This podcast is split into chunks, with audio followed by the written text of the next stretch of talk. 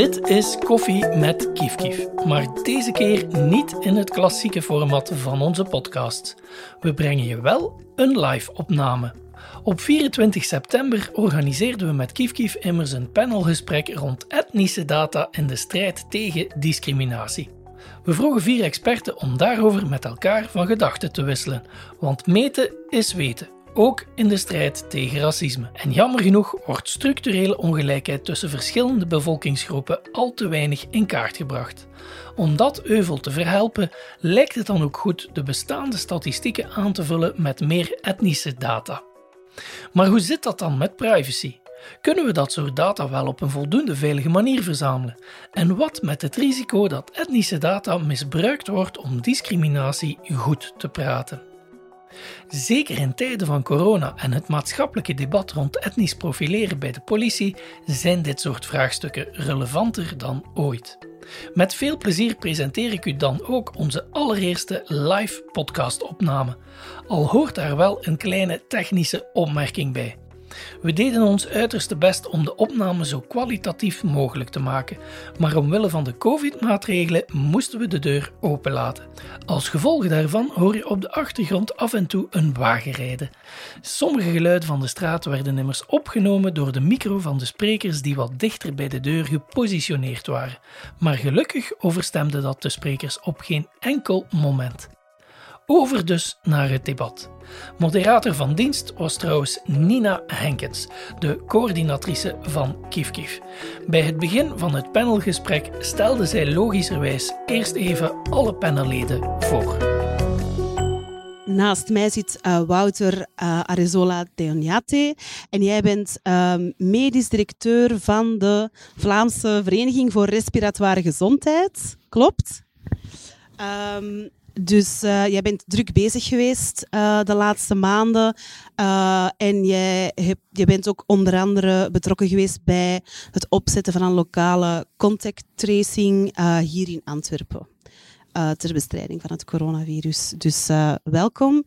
Aan mijn andere zijde zit Rachel Waarniers. En Rachel werkt bij Unia op de dienst Meten is Weten. Dus voilà, ze is de juiste vrouw op de juiste plaats. Uh, naast haar zit Eline Kind. Uh, Eline is juriste en uh, beleidsmedewerker bij de Liga voor de Mensenrechten. En dan als laatste hebben we Pieter Paul Verhagen, professor sociologie aan de VUB. En bekend van zijn onderzoek naar discriminatie, waar hij de praktijktesten gebruikt. Misschien um, ja, beginnen bij het begin uh, bij, bij Rachel. Want jullie zijn eigenlijk bij Unia um, net van start gegaan met een project dat aan de hand van data uh, zoveel mogelijk ongelijkheid of gelijkheid in beeld zou moeten brengen.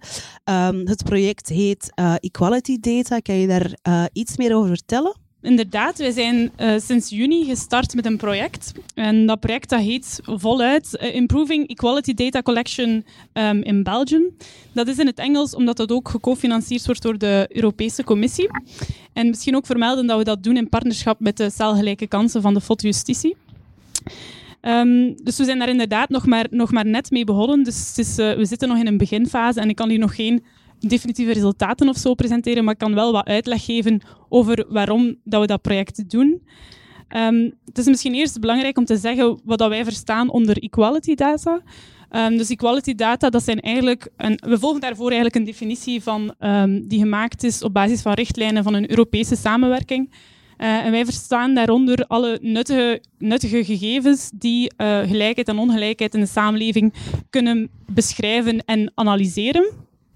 En dat kan heel veel verschillende soorten data zijn. Dat kan gaan over administratieve gegevens, dat kan gaan over data uit enquêtes, uh, praktijktesten, maar ook um, kwalitatieve data. En, dat kunnen ook data zijn die misschien niet verzameld zijn met het doel om ongelijkheid te beschrijven, maar die we wel daarvoor kunnen gebruiken. Bijvoorbeeld uh, officiële statistieken over nationaliteit. Um, die zijn niet verzameld met het doel om ongelijkheid te beschrijven, maar kunnen wel daarvoor gebruiken. Um, equality data kan dus ook gaan over heel veel verschillende uh, ongelijkheden, niet alleen over ongelijkheid en etniciteit. Um, en wij hebben in ons project uh, een afbakening gemaakt waarbij dat we gaan focussen op uh, drie criteria. Dus ten eerste kijken we naar de raciale, data rond raciale criteria. Ten tweede um, religie en levensbeschouwing. En ten derde seksuele geaardheid. Dus etniciteit is daar eigenlijk een, een, onderdeel van, maar ons project gaat ook wel, wel breder dan dat.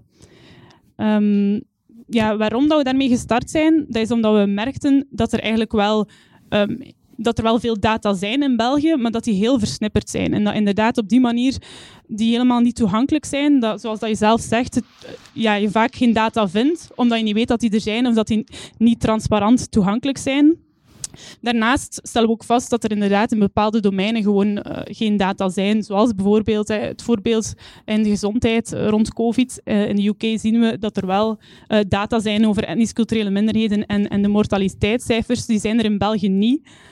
Um, en, tot, en, en tenslotte, ook een, ook een gebrek die we in België merken, is dat er heel veel verschillende definities uh, rond etniciteit um, hangbaar zijn. Um, dat we daar niet een, een, een, overzicht over hebben en dat dat uh, ook een belangrijk gebrek is. Oké, um, misschien uh, specifiek, dus rond die uh, data over etniciteit, uh, vroeg ik mij af, omdat ja, etniciteit is een, een sociaal construct, hè, dus sowieso een beetje vloe. Um, als jullie dat gaan meten, hoe doen jullie dat dan juist? aan de hand van welke indicatoren of zo doen jullie dat? Ja, misschien nog belangrijk om te zeggen dat we in het project dus niet zelf um, data rond etniciteit gaan verzamelen. Maar het is eigenlijk de bedoeling om in eerste instantie in kaart te brengen welke data er op dit moment in België zijn. Dus welke equality data zijn er? We willen dat in kaart brengen en we willen daar een analyse van maken en, en op basis daarvan een rapport met aanbevelingen doen en ook een conferentie organiseren. Um, en we organiseren daar ook, uh, we doen daar eigenlijk, we willen dat eigenlijk heel participatief doen. Dus we, we hebben deze week, uh, begin deze week, misschien hebben jullie dat zelfs ontvangen, een enquête uitgestuurd, waarbij we eigenlijk het middenveld bevragen, maar ook uh, academici en instituties die werken met data, over welke data zij gebruiken, maar ook welke data zij missen. Dus dat is misschien ook nog belangrijk om te vermelden. En ik wil jullie dan ook van harte uitnodigen om die, die enquête in te vullen. Je vindt de link ook op onze, op onze website, de website van Unia.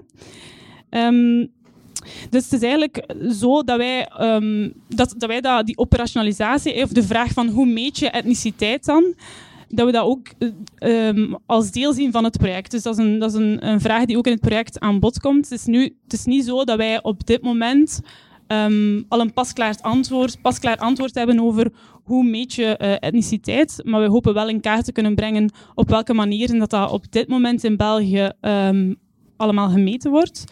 Um, en we hopen dat dat in dat rapport ook aan bod kan komen. En, maar ik kan misschien wel een concreet voorbeeld geven uit onze socio-economische monitoring. Um, dus de socio-economische monitoring, dat is een rapport dat Unia elke twee jaar uitbrengt in samenwerking met uh, FOTwerk. Um, en dat is eigenlijk echt een voorbeeld van, van equality data. Het wordt vaak ook als, als een goede praktijk genoemd. En daarin kijken we eigenlijk naar de arbeidsmarktdeelname uh, naar origine. En dus hebben wij daarin, eh, we doen dat eigenlijk op, bestaande, op basis van bestaande data. We hebben daar geen gegevens zelf voor verzameld, maar we doen dat op basis van administratieve, administratieve gegevens. Um, en daarin wordt etniciteit eigenlijk um, gemeten aan de hand van nationaliteit. Dus we, we, maken een onderscheid enerzijds tussen mensen van Belgische origine en mensen van vreemde origine. En binnen de categorie van vreemde origine gaan we dan nog een onderscheid maken tussen verschillende um, geografische categorieën. En uh, we kijken dus naar uh, de nationaliteit van het individu, maar ook de nationaliteit van de, van de ouders. Dus iemand wordt gezien als van Belgische origine wanneer je uh, zelf de Belgische nationaliteit hebt en wanneer dat beide ouders geboren zijn met de Belgische nationaliteit. Dus iemand wordt gezien als van vreemde origine um, wanneer um, die uiteraard zelf een vreemde nationaliteit heeft, of wanneer uh, een van beide ouders met de vreemde nationaliteit is geboren. We zijn ons daarvan bewust dat dat geen perfecte um, manier is van meten, dat dat een van de vele mogelijke manieren is van meten. Want natuurlijk, het is ook zo, um, mensen worden niet uh, noodzakelijk gediscrimineerd omdat hun ouders niet geboren zijn met de Belgische nationaliteit, maar wel omwille van huidskleur of omwille van de naam of omwille van de taal. Dus het is, het is een benadering, maar op basis van de administratieve gegevens is dat wat dat we op dit moment kunnen doen en waarmee we ook wel een deel um, die origine in kaart kunnen brengen en, en de discriminatie en de ongelijkheid. Oké, en um, zien jullie uh, bij Unia dat het verzamelen van die gegevens uh, zin heeft als in, um, heeft het effect in het publiek debat of het beleid? Uh, wordt, er, wordt er ook echt gebruik gemaakt van hetgeen die, die data blootleggen? Ja, um, dus onze socio-economische monitoring die bestaat eigenlijk al sinds 2013. Um, en we merken dat die ondertussen eigenlijk een, ja, een beetje incontournabele is geworden uh, in het debat over, over uh, de arbeidsmarkt. Um, in heel veel uh, politieke debatten wordt die echt geciteerd, wordt daar naar verwezen. En op basis daarvan kan er echt getoond worden van kijk, er is een probleem in arbeidsmarktparticipatie en daar kan gewoon niemand meer omheen. Dat probleem is daar. Um, wij krijgen ook vragen van kabinetten daar rond en zo, dus die data worden echt wel gebruikt. En het is ook zo dat we doorheen de jaren die data steeds um, hebben kunnen verbeteren. Dat we bijvoorbeeld in 2017 het opleidingsniveau hebben toegevoegd. Want voordien kon je bijvoorbeeld wel de opmerking horen van um, ja, maar oké, um, mensen uh, van, van vreemde origine raken minder aan werk, maar dat is misschien omdat ze minder hoog, uh, omdat ze minder hoog opgeleid zijn. In 2017 hebben we dan een, een, uh, het opleidingsniveau kunnen toevoegen en hebben we kunnen aantonen, ja kijk, ook mensen die hoger opgeleid zijn, raken nog steeds minder aan werk. En dan zou je nog de opmerking kunnen maken van ja, maar misschien uh, halen ze vaker een diploma in um, domeinen die minder vlot aan werk raken, zoals ja, sociale wetenschappen of geschiedenis of zoiets. Um, dus wij hebben in uh, de laatste socio-economische monitoring is ook studiedomein opgenomen. En dan kunnen we eigenlijk aantonen, ja kijk, ook in domeinen uh, die makkelijker toegang geven tot, tot, um, tot een job met een, met een hoog loon, zoals bijvoorbeeld ingenieur, zien we dat mensen van vreemde origine nog altijd moeilijker aan werk raken. En door eigenlijk die data steeds meer te verbeteren, kunnen we steeds beter aantonen van kijk, er is ongelijkheid, er is discriminatie en dat is een probleem uh, die verholpen moet worden. Oké.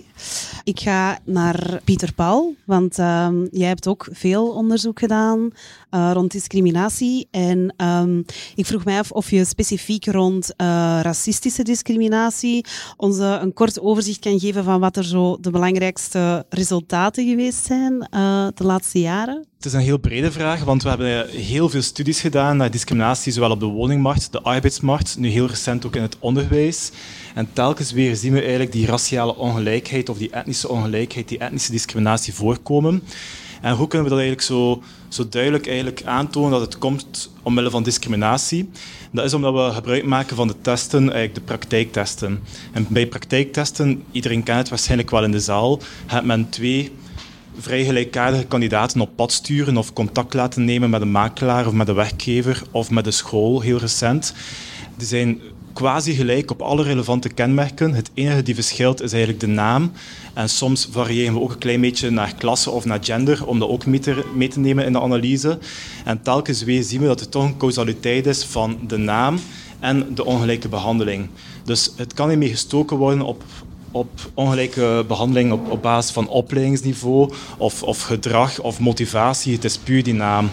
En telkens weer zien we dit opnieuw, zowel bij de arbeidsmarkt, bij sectoren dat je denkt van oké, er zijn toch heel veel uh, vacatures. Zelfs daar zien we eigenlijk dat er discriminatie is. Uh, dus ook bij knelpuntberoepen, het is wel laag, maar ook daar zien we discriminatie. Ook op de woningmarkt, zowel de professionele woningmarkt uh, door makelaars als de private woningmarkt uh, verhuurd door particuliere verhuurders. En ook heel recent in het onderwijs. En bij het onderwijs vind ik toch wel heel straf, want dat was eigenlijk over de toegang uh, tot kleuterscholen. En we hebben gedaan, dat was twee jaar geleden in de zomervakantie, hebben alle scholen in het Nederlandstalige onderwijs in Vlaanderen een mail gestuurd met zes profielen. We hebben natuurlijk niet iedere school zes keer, maar we hebben wel uh, zes scholen at random genomen en dan zes verschillende mails. En dat was eigenlijk drie origines en uh, opgesplitst naar twee klasses, sociale klasses, dat we uh, mails uitgestuurd hebben. De drie origines waren een, een Belgisch klinkende naam, een Congolees klinkende naam en een uh, Maghrebijns klinkende naam. En daar hebben we ook een klein beetje sociale klassen proberen aan te tonen in, in de mail naar de school. Door te zeggen bijvoorbeeld, ik kan me overdag vrijmaken, want ik werk in, in shiften als arbeider. Of uh, een vader die stuurt van kijk, ik werk als, uh, als manager, dus ik, kan, ik heb uh, flexibele uren, ik kan me gemakkelijk vrijmaken om de school te komen bezoeken. En de vraag was altijd hetzelfde. De vraag was, is het nog mogelijk om een kind in te schrijven, want ik ben pas verhuisd naar deze stad of naar dit dorp. En, en, kan ik wat meer info krijgen over, over de inschrijvingsprocedure. En wat bleek, dat er zowel klassenverschillen waren als etnische verschillen. En dat is heel frappant, want is ook dat is al sinds de 19e eeuw, sinds de tweede schoolstrijd, uh, dat eigenlijk uh, ja, de, de vrijheid van keuze van het onderwijs, dat staat in onze grondwet. Iedereen is vrij om een school te kiezen. En dat zou je persoonlijke keuze moeten zijn. De keuze van de ouders en van het kind vanaf een bepaalde leeftijd. Maar we zien eigenlijk in het onderzoek dat het ook de keuze is van de school zelf. En alle ouders hebben wel een antwoord gekregen, dus daar zijn we geen verschil in. Maar we zagen vooral een verschil in de behandeling van die vraag. Van, kom maar langs, de directeur zal een persoonlijke rondleiding geven. Dat was dan voor de Belgische middenklassers. En dan de, de andere groepen die zeiden van ja, kom maar naar de open klasdagen of de open deurdagen. Uh, dus daar zie je toch wel een subtiel verschil. En dan ook nog de vraag van kan ik mijn kind nog inschrijven? Daar zijn we ook uh, toch frappante etnische en klassenverschillen.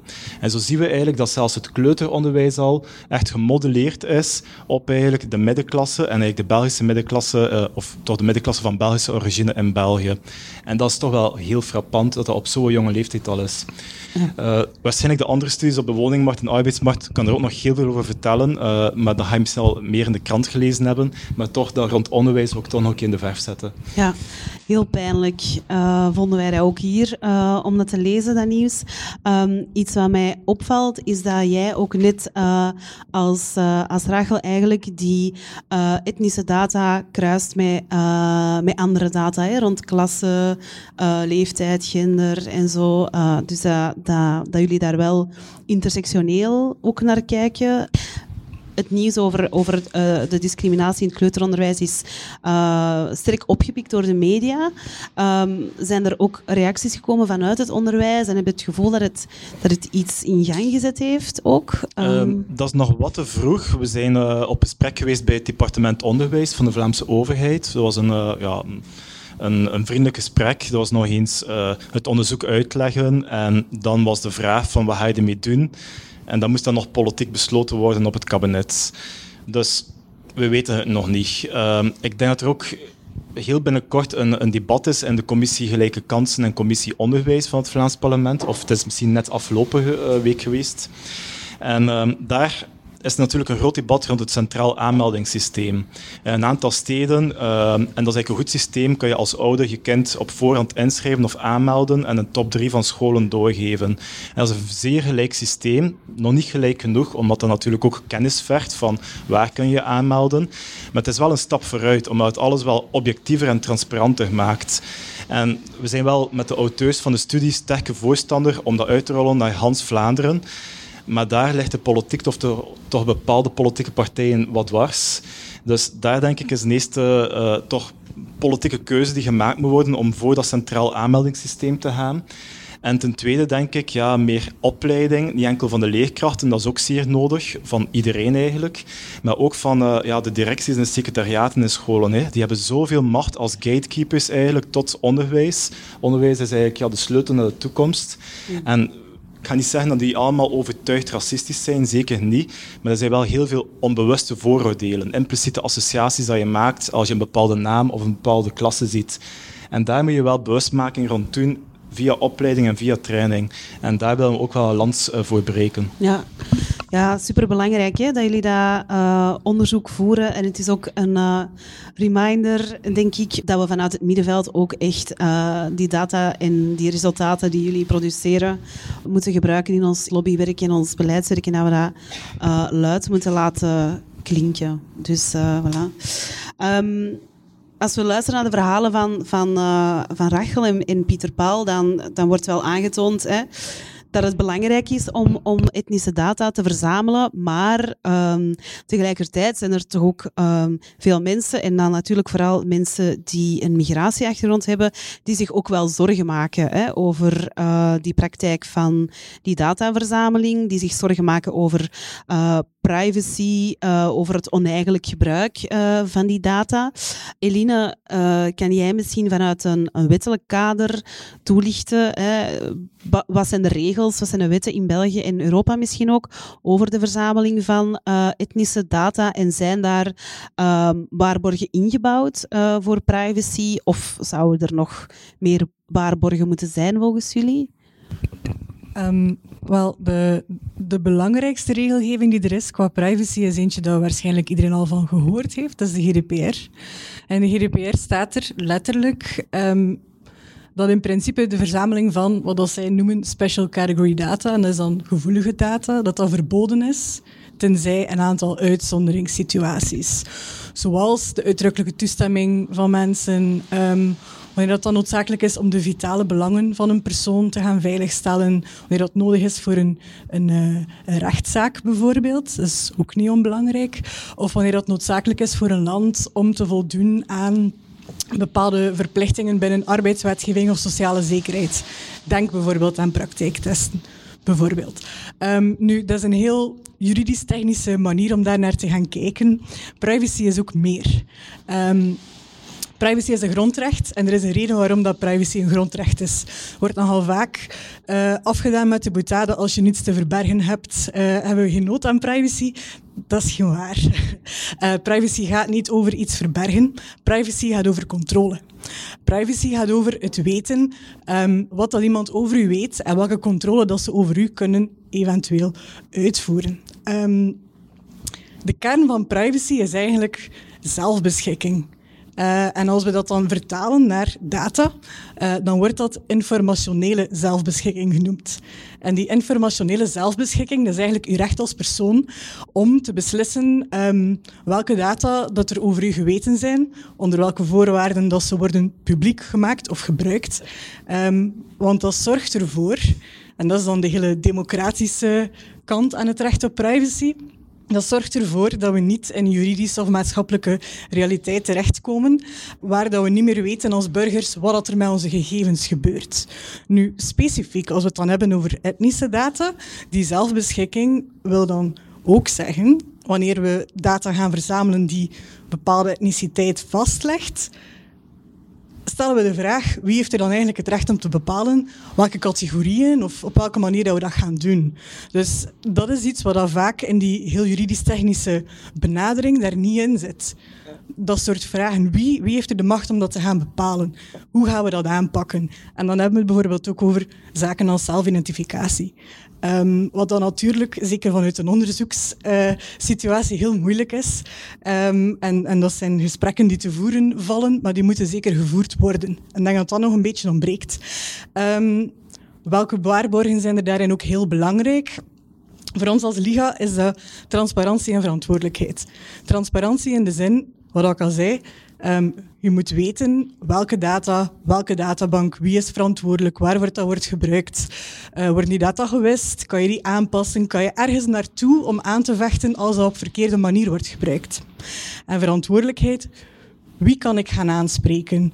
Wie is er daarvoor verantwoordelijk? Als er iets verkeerd gaat, waar moet ik naartoe?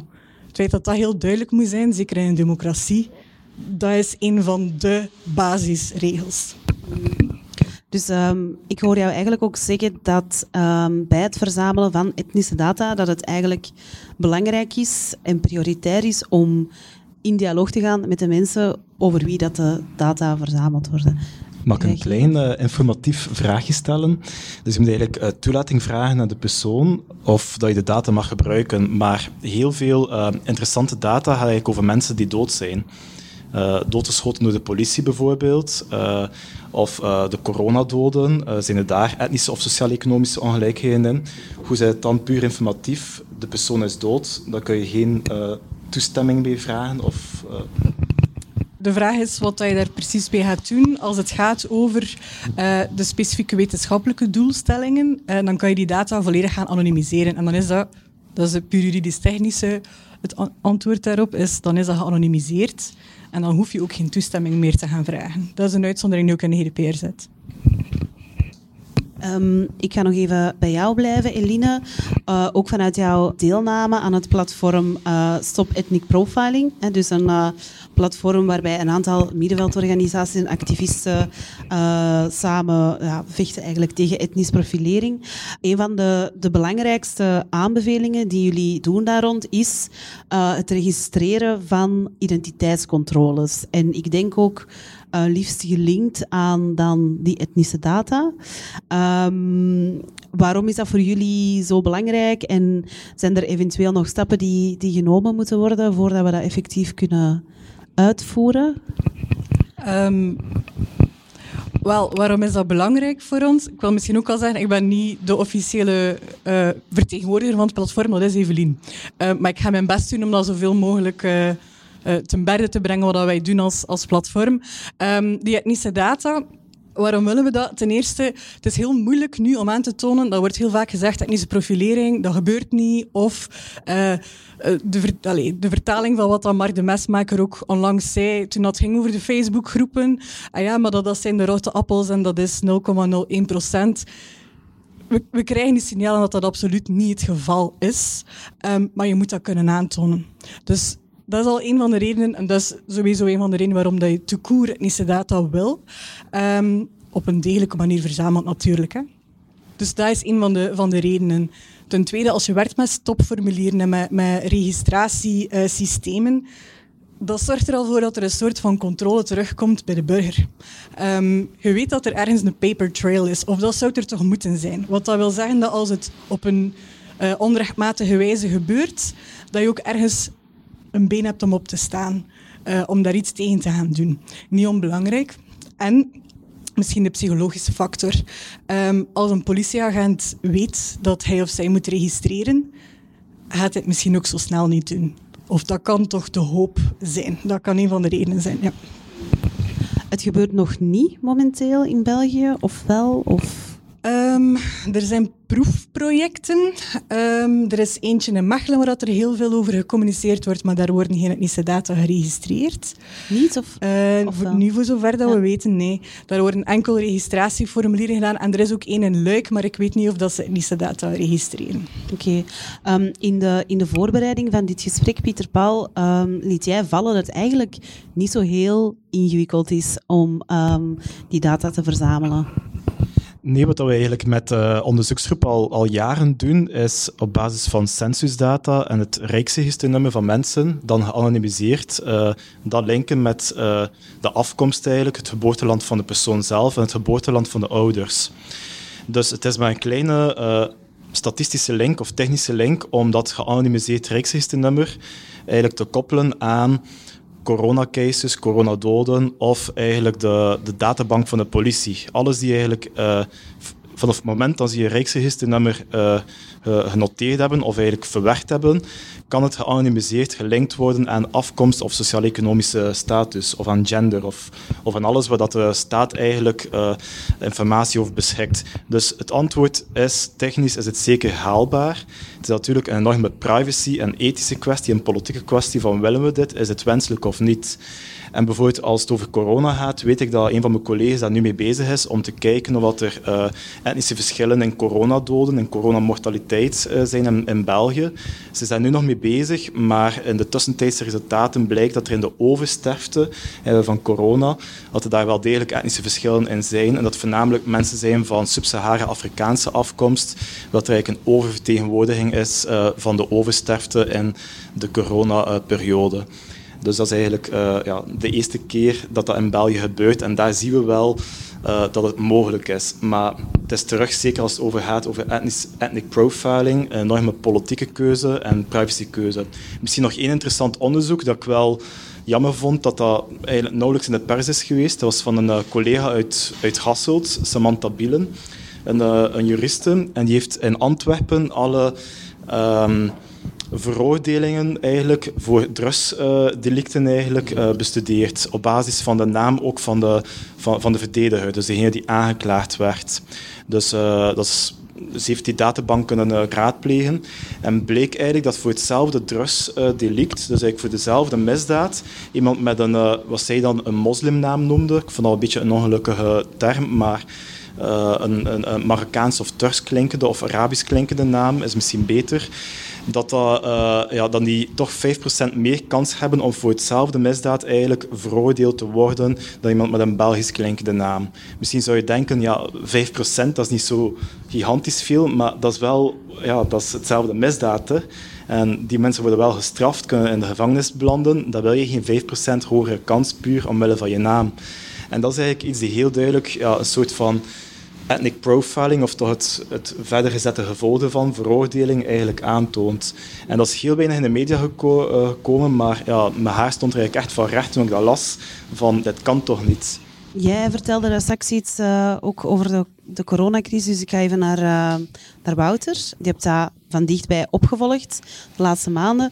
Uh, ben jij even vanuit het volksgezondheidsperspectief, ben jij voorstander van het koppelen van die data rond etniciteit aan de, de coronacijfers?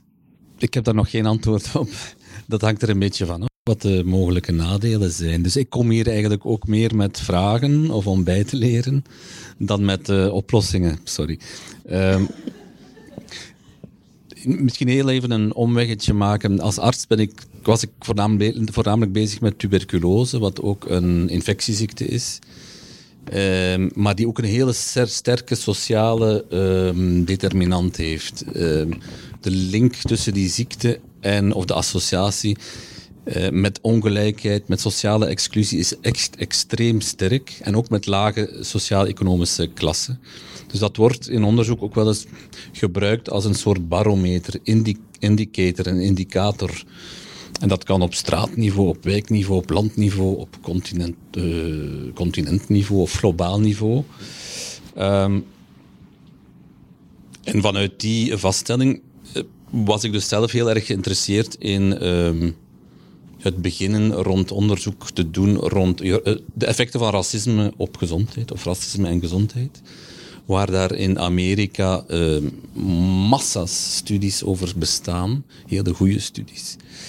Uh, waar daar in de UK een beetje over bestaat, maar in de rest van Europa eigenlijk zo goed als niks, zou je kunnen zeggen. Dus alleen die vaststelling al was, vind ik zelf erg, erg, erg tekenend. Maar om snel en goed, goed onderzoek te kunnen doen, zou het verzamelen van etnische data wel heel erg handig zijn. Want ik had een vraag ook um, aan, aan de collega daar over het gebruiken van het uh, nationaal nummer of het uh, Rijksregisternummer. Um, is dat makkelijk toepasbaar op een hele grote databank met 1 miljoen uh, deelnemers? Of moet je dan letterlijk manueel voor iedereen gaan opzoeken? Ehm, dus wat wij meestal doen is een data-aanvraag bij de privacycommissie en bij Stadbel. En zij gaan het dan anonimiseren voor ons. En dan krijgen wij voor heel specifieke variabelen, dat gaat meestal over uh, opleiding, geboorteland, uh, mortaliteit, sociaal-economische status, uh, krijgen we een aantal variabelen. Maar dat zijn dan wel ja, tegen de 10 miljoen cases vaak. en collega's van mij zijn daar heel bedreven in om dat dan te verwerken in statistische programma's. Uh, maar uh, ja, dat is, we moeten zelf dat niet anonimiseren, dat, dat ook goed, dat maar, uh, maar dat zijn wel dit soort hoeveelheden van, van data, dat klopt. Ja, want het, in, inderdaad, in het begin van de epidemie heeft Cienzano aan ons, aan enkele van ons gevraagd van wat wat is nuttige data om te verzamelen? En toen hadden wij sterk aanbevolen en, en voor gepusht om te verzamelen uh, waar u geboren, geboorteland, waar bent u geboren, waar zijn uw ouders geboren en hoe identificeert u zichzelf etnisch? We hadden daar nog nog niet in detail uh, gedefinieerd welke vraag precies, maar dat is, er, um, heel, dat is heel snel tegengehouden en heel snel um, hebben we gezien dat dat niet ging gebeuren. Uh, wat jammer is, omdat er. Het is, en wat was de reden daarvoor? Omdat het al reeds bekend was dat uh, um, etniciteit, als je dat woord wilt gebruiken, um, echt een hele grote risicofactor is om ten eerste vaker besmet te raken of sneller besmet te raken, maar ook om veel ernstigere vormen van, van uh, COVID-19 um, te ondergaan. Dus inderdaad met hogere mortaliteit. Een recente studie in, in, in de UK heeft dan zo'n 17 miljoen uh, sample size studie gedaan, waar ja, waar je kunt controleren op allerhande beïnvloedende cofactoren. Dus om even uit te leggen, het is misschien niet de etnie die uh, zorgt voor een hogere mortaliteit, maar misschien hebben die mensen ook toevallig allemaal um, een, een, deprivatie, um, een lagere sociaal-economische klasse. Nee, dat bleek ook niet uh, mee te spelen. Um, hebben die, is daar dan obesitas dat wat vaker voorkomt? Nee, daar kon ook heel makkelijk voor gecontroleerd worden. Net omdat je zo'n gigantische uh, hoeveelheid uh, mensen geïncludeerd hebt in je studie. Dus um, welke besluiten kunnen we dan trekken uit, uit, uit die onderzoeken? Het is geen genetisch nee. probleem, dus dat het is een sociaal probleem.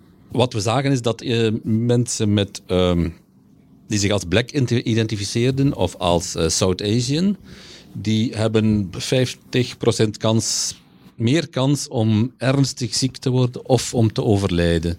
Dat is best veel. En, en, uh... Gecontroleerd voor leeftijd, geslacht, uh, uh, sociale klasse of inkomstenlevel en andere, andere ziektes die men al dan niet heeft. En, en weet men aan welke, welke factoren dat er, dat er wel mee spelen? Of kunnen we dan niet anders aan de conclusie trekken dat het structureel racisme is dat Daar zorgt voor... kun je bijna niet omheen, ja. ja. En dat zijn ook andere studies die dan aantonen dat, um, vooral in Amerika, um, people of color uh, een slechtere toegang hebben tot de geneeskunde. Als ze toegang hebben, is de service die ze krijgen, de kwaliteit van de service ook nog minder. Ze worden dus slechter behandeld. En dat is, dat is heel duidelijk vastgesteld. Um, dus dat heeft zeker met discriminatie, sociale exclusie en racisme te maken. Ja. ja. Het is ook zo, geloof ik, in de UK dat er uh, aangekondigd werd dat eens het vaccin er is, dat er uh, ja, prioriteit zal worden gegeven aan een aantal uh, kwetsbare groepen, zoals oudere mensen, mensen met gezondheidsproblemen.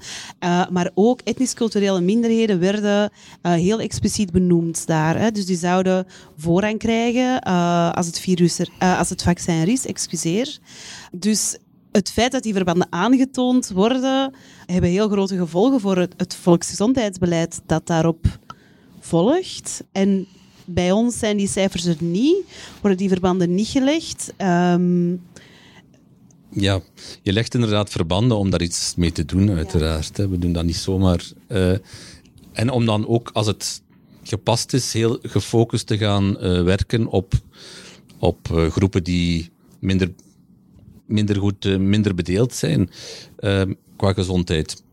En in, inderdaad, uh, er werd het voor, voorbeeld gegeven van in de UK het vaccineren van migratiepopulaties. Maar dat is, ja, dan moet je ook de afweging maken, is dat geen extra stigmatisering van die hele groep? En leidt dat dan niet tot culpabilisering of het ehm, beschuldigen van uh, hele groepen mensen. Van jullie zijn het die het virus uh, levende houden of binnenbrengen of overdragen. Dat is uh, een, een, fenomeen dat we bij ons ook uh, gezien hebben hè, de laatste maanden.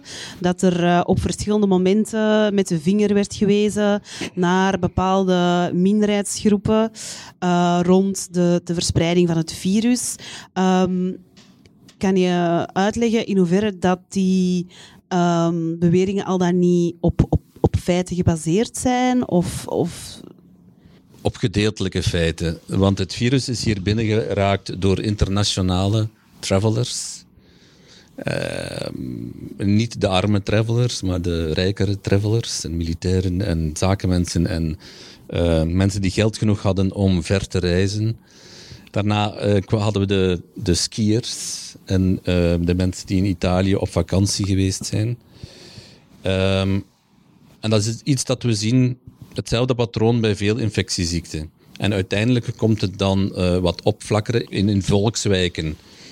Dus er is de verleiding om te gaan beschuldigen of culpabiliseren, maar dat kun je niet doen, want een virus is een virus en dat heel lokaal bekeken in Antwerpen was het inderdaad zo dat het in, in twee postcodes heel erg overduidelijk aanwezig was. En de overgrote, op naam bekeken, was de overgrote meerderheid van niet, een niet-Belgisch of niet-Vlaams klinkende naam. En dan hoofdzakelijk uh, Marokkaanse klinkende naam. Um, maar dat wil niet zeggen, dus dat moet je dan beschermen op een of andere manier, dat je die, dat feit moet gaan gebruiken om een hele bevolkingsgroep te culpabiliseren. Want het was puur toeval dat het net daar opflakkerde. Het had evengoed ergens anders kunnen opflakkeren. Ja. Maar het flakkert ergens op en dat is puur chance. Um, maar het zou wel een reden kunnen zijn om die buurten het meer te gaan beschermen. Uh, Om daar meer, uh, voorziening te, uh, meer dienstverlening en voorziening en gezondheidszorg aan, aan toe te spitsen op een, op een hele aangepaste manier. Ja. Heb je het gevoel dat dat, dat gebeurt? We hebben dat geprobeerd met een lokaal project. Ehm, en dan met mensen uit de buurt gerecruiteerd, die ook de taal spreken en dezelfde afkomst hebben en verpleegkundigen die net afgestudeerd waren. Om dan echt in eigen buurt de mensen te gaan inlichten die net, getest wa uh, net positief getest waren, om uit te leggen, ja, wat is dan nu eigenlijk quarantaine en hoe kunnen we jullie daarbij helpen? Want dat is niet gemakkelijk. Hoe gaat, dat met, gaat het voor jullie met het inkomen? De theorie was dat er eventueel financiële voorzieningen zouden zijn voor mensen die het dan daar moeilijk mee hebben. Uh, en ook om wat te vragen naar met wie bent u dan maar op een heel gemoedelijke manier, niet aan de telefoon, maar door een huisbezoek. Met wie bent u dan allemaal in contact geweest? En uh, het is oké als je dat zegt, dat blijft geheim. Maar dan kunnen we die eventueel ook verwittigen dat ze zich, uh, ja, met als doel, het enige doel is het gezond blijven van uzelf en van uw omringende, hoe zeg je het, om, om, omringenden? De mensen die omgeven, ja. Um, dat is klein begonnen, dat werkt. Alleen is het nu een beetje verzand in. Het is, dat was puur vrijwillig en zonder financiën. En, um, ik heb zelf de eerste huisbezoeken gedaan als opleiding. En nu zitten we, ja, dat moet overgenomen worden, dat moet gestructuraliseerd worden, want uh, het is te veel werk om dat op vrijwillige basis te, te doen. Dus financiële ondersteuning voor dat soort projecten is. Uh wel heel belangrijk. Ja. En die waren er, want net in die twee wijken waar het opflakkerde, bestond ooit het sociaal, wacht, stuntpunt, gezond, sociaal stuntpunt gezondheidszorg. Maar die heeft deze, um, de, de burgemeester en zijn ploeg, net wegbespaard een paar jaar geleden. En dan zie je, ja, ook, uh, een effect van de besparingsideologie op, op, op gezondheidszorg en op preventie voornamelijk. Ja. Um, ik ben een beetje door mijn uh, belangrijkste vragen heen momenteel, maar ik vroeg mij af of dat jullie misschien als experten ondereen, zaakjes, uh, nog vragen hadden voor elkaar. Als het gaat over corona, dacht ik dat er ook wel een, een analyse was van de tijd die heel interessant was, die dan keek naar het naar, uh, aantal besmettingen op wijkniveau. En die daar ook dan um, de link konden leggen tussen uh, wijken met grotere gezinnen, uh, wijken met een grotere bevolkingsdichtheid en meer besmettingen en zo. En dat op die manier ook wel, als we meer data hebben kunnen aantonen, kijk, van dat zijn ook factoren die spelen bij die besmettingen. En, en, dat dat door meer data te hebben er, ervoor kan zorgen dat er minder geculpabiliseerd wordt. Ja, dat is dus iets dat ik denk dat je altijd zou moeten doen. Dus naast etnische data ook altijd sociaal-economische data zetten, of al, en nog andere, om net die pure beschuldiging op etnie uh, uh, te kunnen weerleggen door, en daar heeft u heel, heel, gelijk in, dat zagen we in verschillende landen, dat die volkswijken, ja, daar wonen grotere gezinnen, die wonen dichter op elkaar, kleinere behuizing, dus die besmetting is daar gemakkelijker of die gaat sneller rond. Er wordt ook veel mee, nog meer met en onder elkaar geleefd eh, in generaties en familiale banden zijn sterker als in onze saaie Vlaamse setting. En als je die data kunt gebruiken om uitleg te geven van waarom is het daar zo, dan moet je dat doen, ja. Ik had nog een vraag. Zou het dan gemogen hebben van de GTPR of niet? Want dat snap ik nu zelf nog altijd niet. De etnische data voor de contactopsporing? Nee, de etnische data bij, bij elk geval. Bij, bij wat? Bij elke besmetting, ja. Eigenlijk bij de contacttracing. Ehm, in principe zou dat mogen, ehm, maar ik wou daar nog een kanttekening bij zetten. Want wij waren ook heel kritisch over de databank die gecreëerd geweest Ja, is dat is nog... bij Cienzano. En dus de databank, zeker in de eerste versie of het, het KB dat we daar dan gezien hebben, eh, was eigenlijk voor ons nogal een, een datavretend monster, gekoppeld met een lekke zeef. En daar steek je geen etnische data in. Dat is een beetje miserie zoeken. Dus het hangt ervan af. Het is natuurlijk... Allez, privacy is belangrijk, maar je security is ook... Ja. Allez, er hangt van alles rond. Ja. Maar inderdaad, bij de constructie van, die, van dat KB en van die bank is...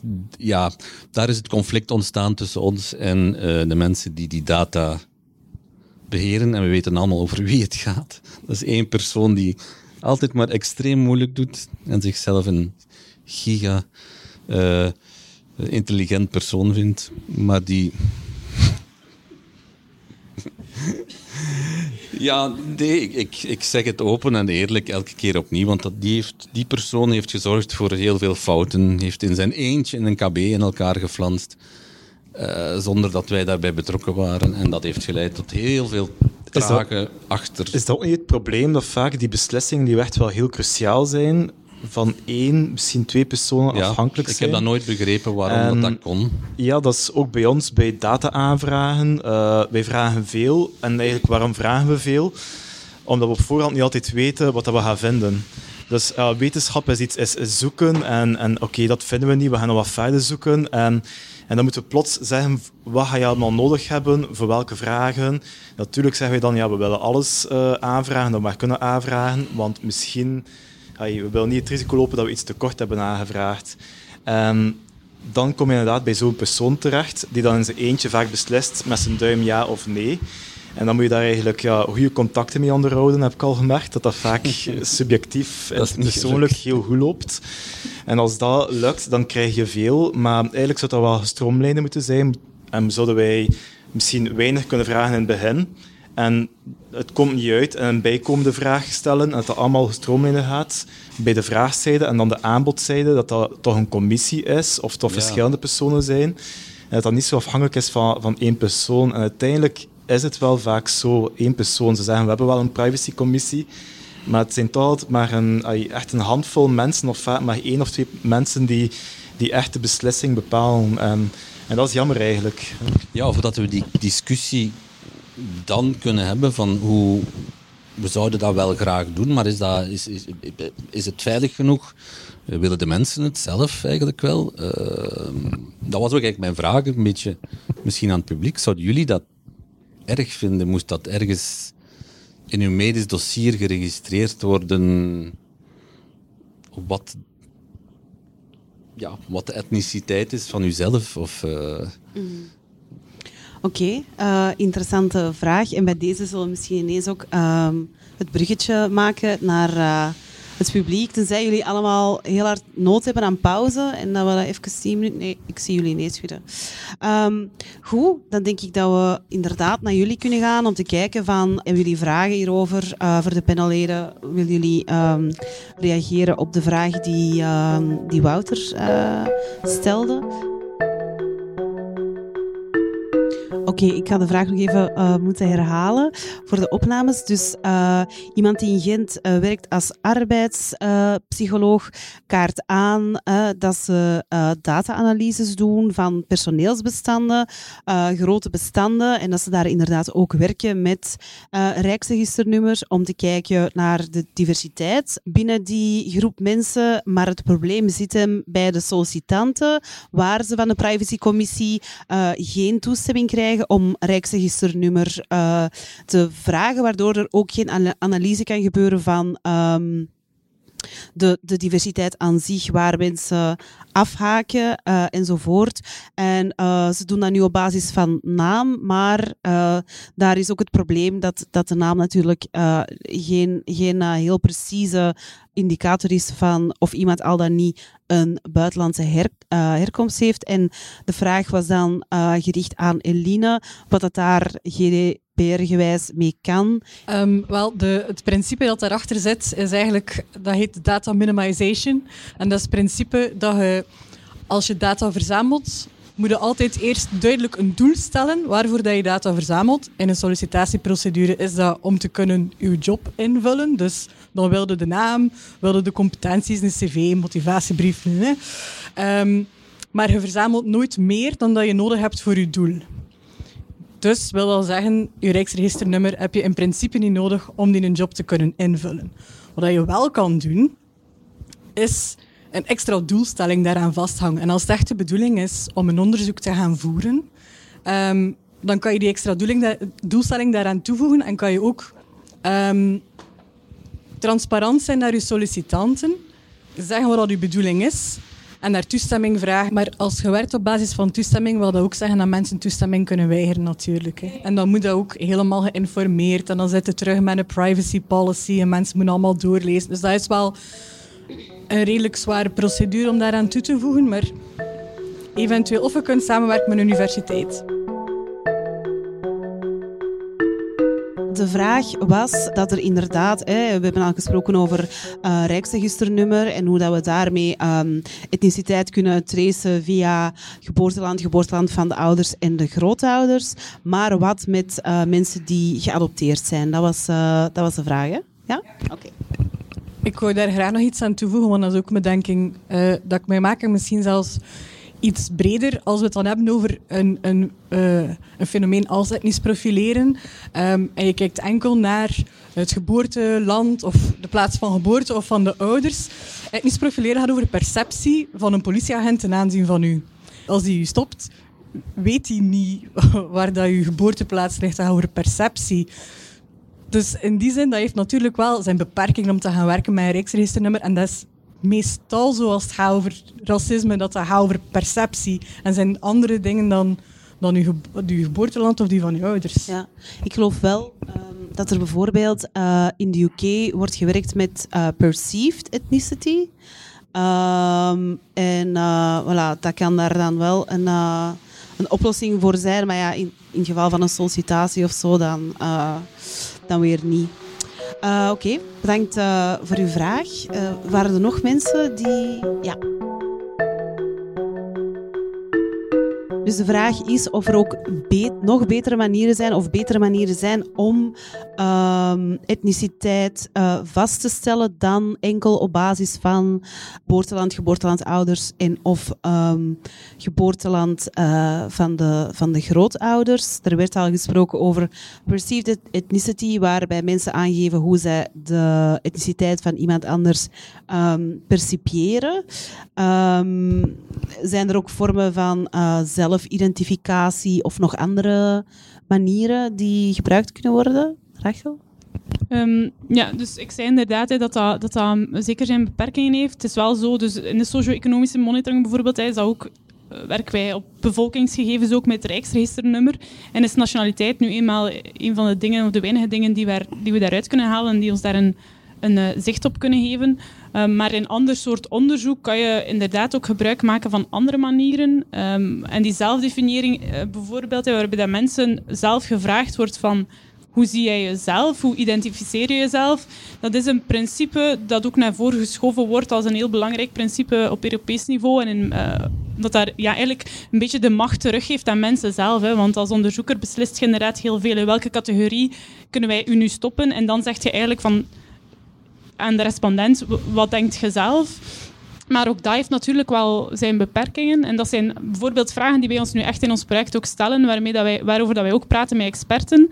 En niet iedereen met een, uh, een donkere huidskleur die wel discriminatie ervaart, zal zich misschien willen identificeren ja, als, als van een bepaalde etnie. Dus ook dat heeft opnieuw ehm, wel beperkingen. Ehm, en dan, dan zijn er natuurlijk ook nog andere manieren, allee, zoals dat Pieter Paul ook bij de, op basis van naam in de praktijk testen. Er zijn eigenlijk heel veel verschillende manieren, maar ik denk dat dat dat nu een deel is van ons project om dat ook een beetje in kaart te brengen en dat, uh, daar een beetje een zicht op te krijgen.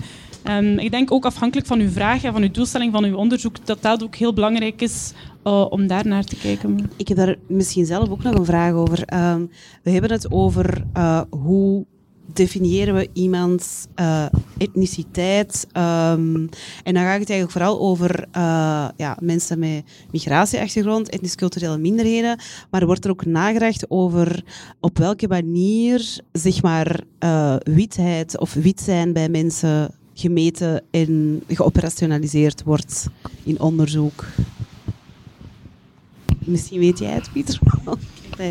uh, nee, ik heb daar geen antwoord eigenlijk op. Uh, er zijn wel heel duidelijk verschillen in, uh, in gepercipieerde witheid. Bijvoorbeeld zelfs bij de Marokkaanse groep is er, uh, zijn er heel grote verschillen hoe dat iemand eruit ziet. En, en ook, dat heeft ook gevolgen op hun behandelingen de, op de arbeidsmarkt, in scholen, op de woningmarkt. Dus dat is zeker een, een, een factor die, die speelt. Dan heb je natuurlijk de grotere vraag van wat is witheid? En dat varieert tussen ja, het is een plaats doorheen de tijd. Uh, als je 100 jaar teruggaat, dan, uh, dan waren de Ieren zogenaamd de, de zwarte van, van de Verenigde Staten. Uh, als je dan meer recent gaat, waren dan de Italianen bijvoorbeeld in België, waren die als zwart beschouwd. Nog meer recent waren het dan eigenlijk de, de gastarbeiders en hun nakomelingen van de jaren 60, de Turkse en Marokkaanse Belgen, die als, als, als zwart dan beschouwd waren of als niet-wit beschouwd waren. Dus dat, dat varieert doorheen de tijd. Uh, dus dat is mijn antwoord op jouw vraag. Maar ik wil nog even terugkomen op een ander concept die hier gevallen is, en dat is perceived ethnicity. Ja, dat is niet objectief. Hè. Allee, dat aan wie moet je het dan vragen? Voor, mij is iemand bijvoorbeeld uh, een Belg en voor iemand anders is dat, is dat niet een Belg. Perceived ethnicity, daar kun je eigenlijk heel weinig mee. Moet je aan iedere politieagent, aan iedere ziekenhuismedewerker vragen van hoe percipieer die persoon? Dat is niet werkbaar. Dus eigenlijk vind ik dat voor onderzoek zeker al niet werkbaar, maar ook voor in de praktijk. Dat is, dat is ook zo afhankelijk van, van, van tijd en context vooral. Iemand, eenzelfde persoon met een, met, met, een, met een pak aan gaat misschien als Bel beschouwd worden en uh, zet hem op, op een voetbalplein met, met, met een andere outfit of in een donkere straat en je wordt als iets helemaal anders beschouwd. Dus eigenlijk is dat zeer afhankelijk van, van de context hoe zou je dat wel etniciteit moeten meten? Dat hangt af van je vraag, wat wil je meten? En, en er zijn zoveel manieren. Ik hou heel hard van, uh, van, van geboorteland. Want ja, als je puur naar de nationaliteit kijkt, dat heeft mee te maken met de politiek en de wetgeving. Uh, geboorteland is duidelijk tenminste. Geboorteland van jezelf, van je ouders en van je grootouders. Dat is hoe dat wij meestal in, uh, in enquêtes doen. En wij volgen daar ja, een soort compromis tussen de Franse traditie en de Anglo-Saxische traditie. In Frankrijk kijken ze heel sterk nationaliteit. Je bent uh, Franse staatsburger en, en dan één keer dat je de Franse nationaliteit hebt, ben je Frans en daarmee uit en zou je eigenlijk je etniciteit moeten vo volledig weglaten. Dat is het assimilatiemodel.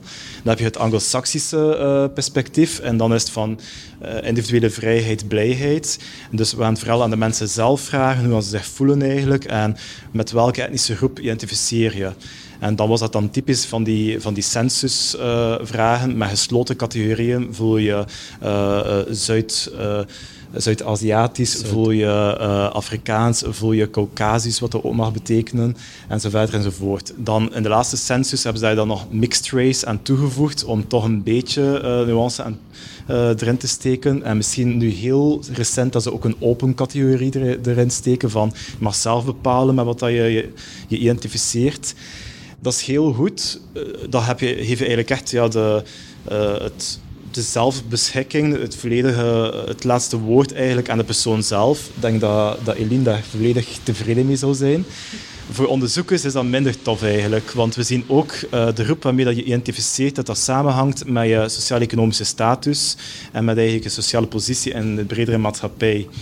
Het kan heel goed zijn dat iemand bijvoorbeeld van Marokkaanse afkomst, maar die eigenlijk uh, opgeklommen is naar de hogere middenklasse, zich totaal niet meer identificeert met de Marokkaanse groep en zich als Belgisch gaat identificeren.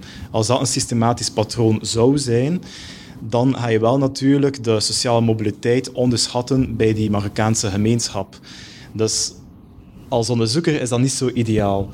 Uh, dus alles hangt eigenlijk af van je doelstelling uh, en dan moet je kijken naar de methodes. Ja, ik, ik, ik zag ooit een eh, voorbeeld, geloof ik, um, waarbij men vraagt hoe zou u zichzelf omschrijven met een aantal boxes en inderdaad een open lijn waar je zelf een voorstel kan doen. Aangevuld met de vraag van ja, hoe zou iemand anders u percipiëren? Maar dan had ze daar een functie op geplakt. Ik dacht politieman, of hoe zou de politie u, u percipiëren? En met dezelfde vakjes.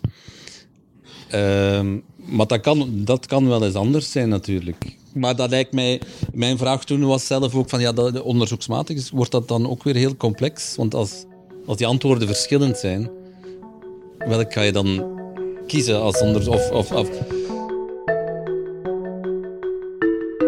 dus er wordt uitgelegd dat we heel goed weten, dat we heel goed zien dat er heel veel discriminatie is, vooral van de politie uh, naar uh, jongeren met migratieachtergrond.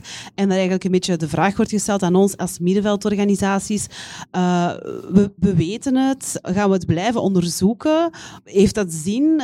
praktijktesten worden politiek niet uh, niet uitgevoerd?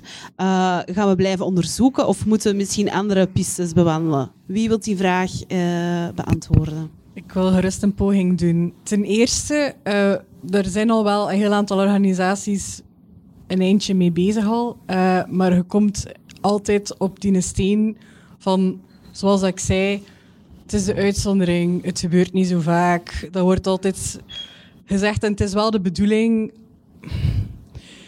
uw claim komt sterker over, zeker als je in een lobbygesprek zit, als je cijfers kunt voorleggen. Dat is nu eenmaal de realiteit. Dat er daar niet veel mee gebeurt, en zeker in deze politieke situatie, daar kunnen wij eigenlijk op dit moment niet zo heel veel aan veranderen. Wat we wel proberen te doen, is om het discours te veranderen en om het zichtbaarder te maken. Dat is gekoppeld aan een communicatiecampagne waarin dat we proberen duidelijk te maken, want er zijn heel veel mensen die daar ook nog altijd van overtuigd zijn dat dat niet bestaat. Hè. Het niet profileren of uh, dat is allemaal maar normaal en dat gebeurt in wijken waar dat er grotere problemen zijn en die, die echt ervan uitgaan dat dat normaal is of dat dat zelfs goed politiewerk is.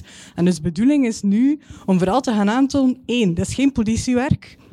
Dat zou eigenlijk geen politiewerk mogen zijn. Het is al zeker niet efficiënt en het is discriminerend.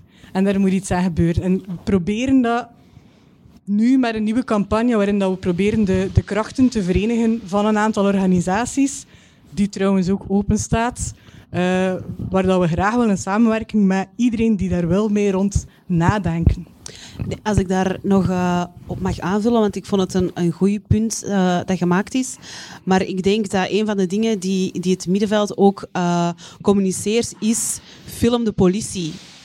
Dat is uw recht. En mensen doen dat vaak. En uh, ik denk dat we allemaal weten dat die filmpjes die gemaakt worden en die dat gedeeld worden op social media, dat die soms al veel, veel, veel effectiever zijn dan, uh, dan de cijfers die verzameld worden. Dus op dat vlak denk ik dat je helemaal gelijk hebt en dat er ook uh, echt out of the box uh, over nagedacht moet worden. Nog even aanvullen. Ik had er namiddag nog een, een, gesprek over met iemand. Ik had beloofd van haar naam te vermelden, Amélie. uh, omdat die een interessante bedenking maakte. Dus UK en de VS verzamelen we dus wel die uh, etnische data. Ja, heeft dat dan geleid tot een beter beleid?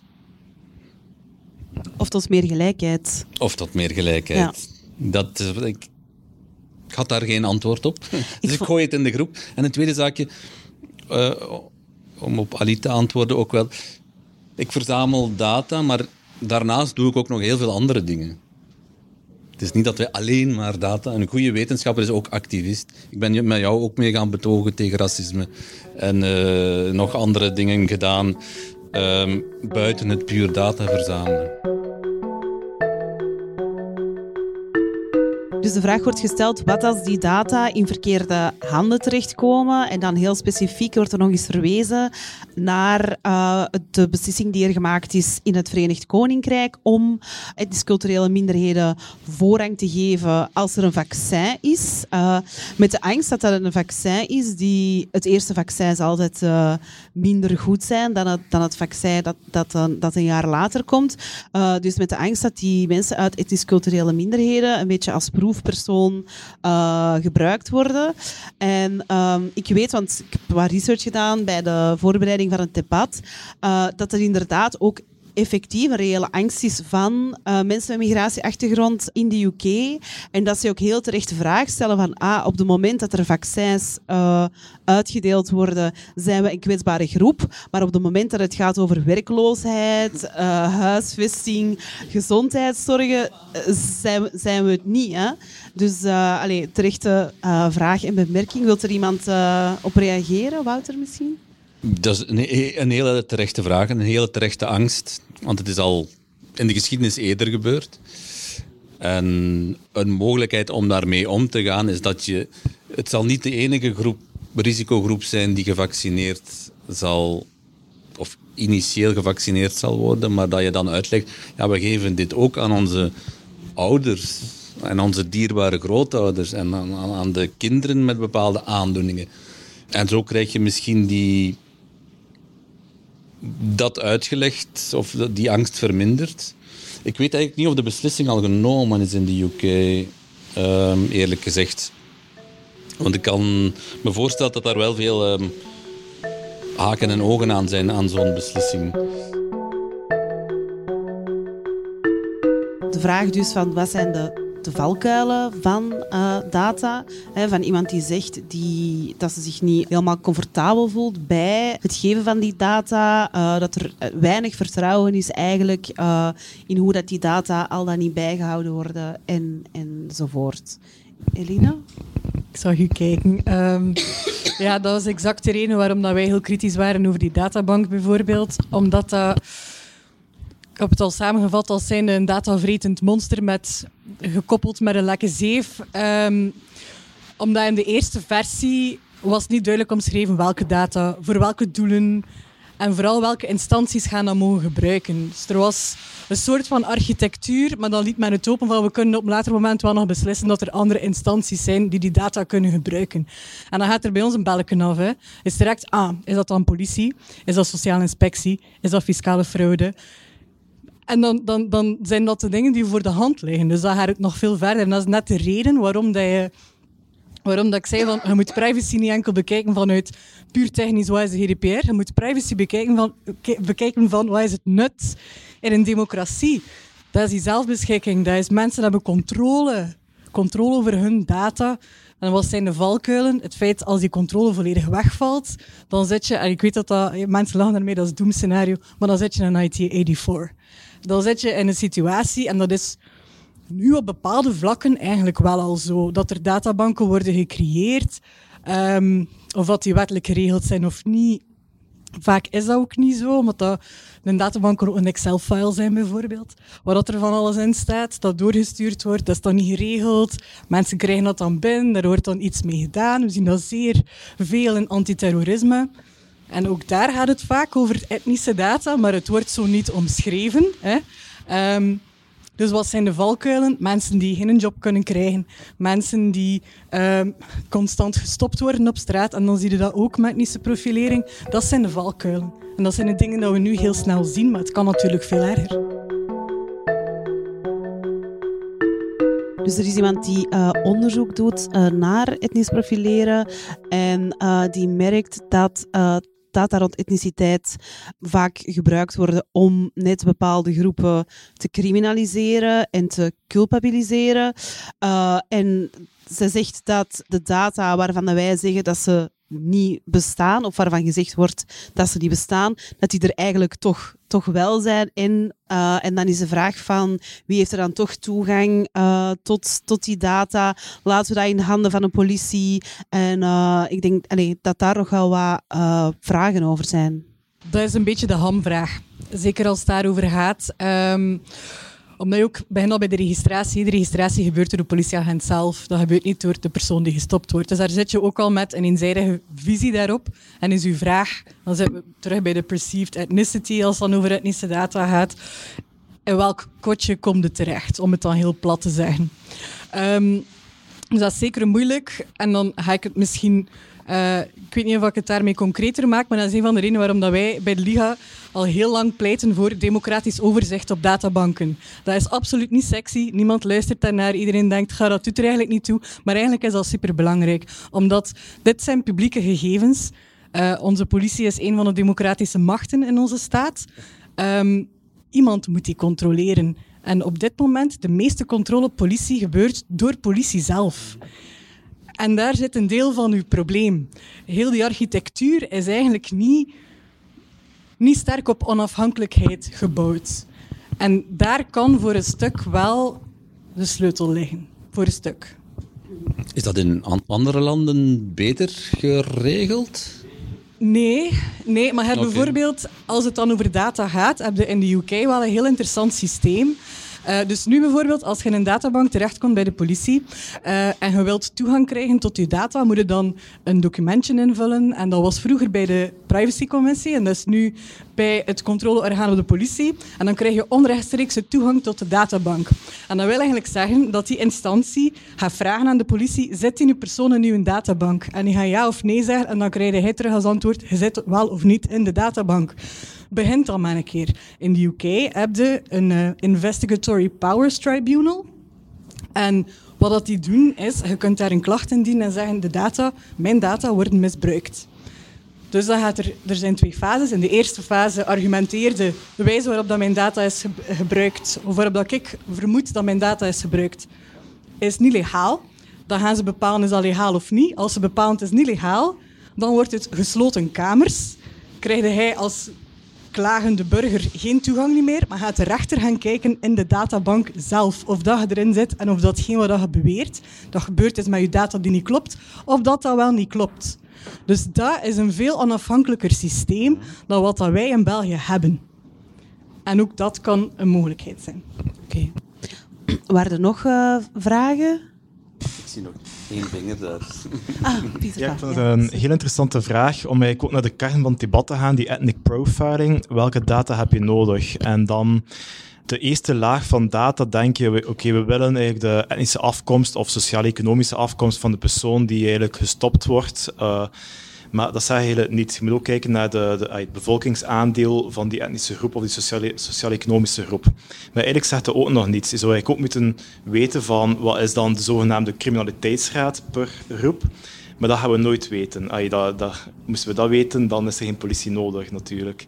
Wat je wel kunt doen, is kijken was de, de, de hit ratio. Dus in welke mate is er eigenlijk een, eh, een, een, een verhouding eigenlijk, of, of in welke mate leidt een, een, een stop and search tot een arrestatie.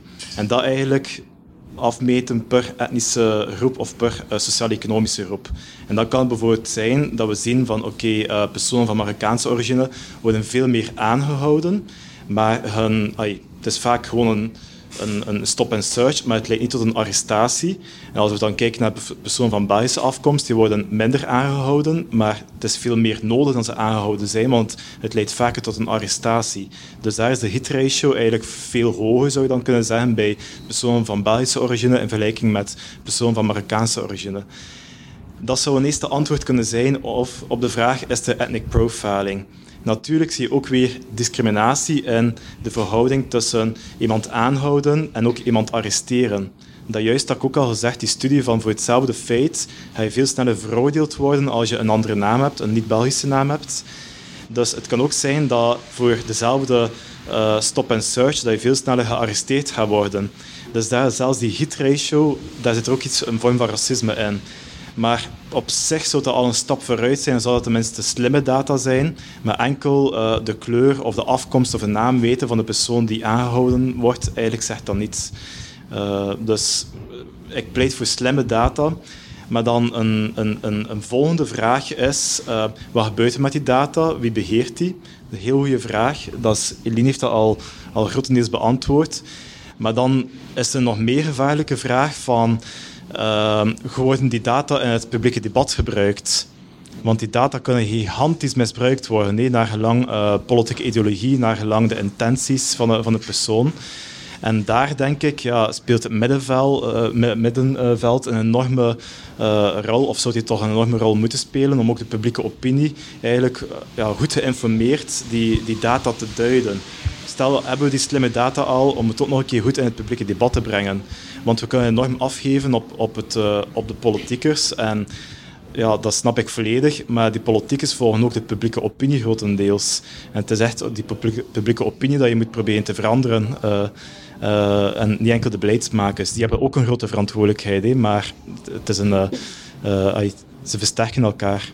Oké, um, bedankt. Ik denk um, dat we hier stilaan uh, het debat gaan, uh, gaan afronden. We hebben ook tijd om, om hier nog even met elkaar uh, te praten. Ik heb zelf heel veel bijgeleerd. Ik vind het moeilijk om in een paar zinnen samen te vatten wat dat voor mij de belangrijkste dingen waren. Maar ik onthoud toch vooral dat het verzamelen van etnische data een beetje een, een dubbel zwaard is. enerzijds een, een krachtige manier om discriminatie bloot te leggen. Um, iets waar uh, de politiek jammer genoeg veel te weinig mee aan de slag gaat en waar dus ook een belangrijke rol ligt voor het middenveld. Anderzijds ook iets waar toch wel wat uh, risico's aan verbonden zijn en waar absoluut democratische controle nodig is. En als laatste denk ik ook gewoon echt dialoog en gesprek met de mensen over wie de, de data verzameld worden. Ik denk dat is wat ik nu zo uh, gehoord heb. Uh, bedankt ook aan het publiek om aanwezig te zijn. ja, en wie is ook uh, nog iets voor de sprekers.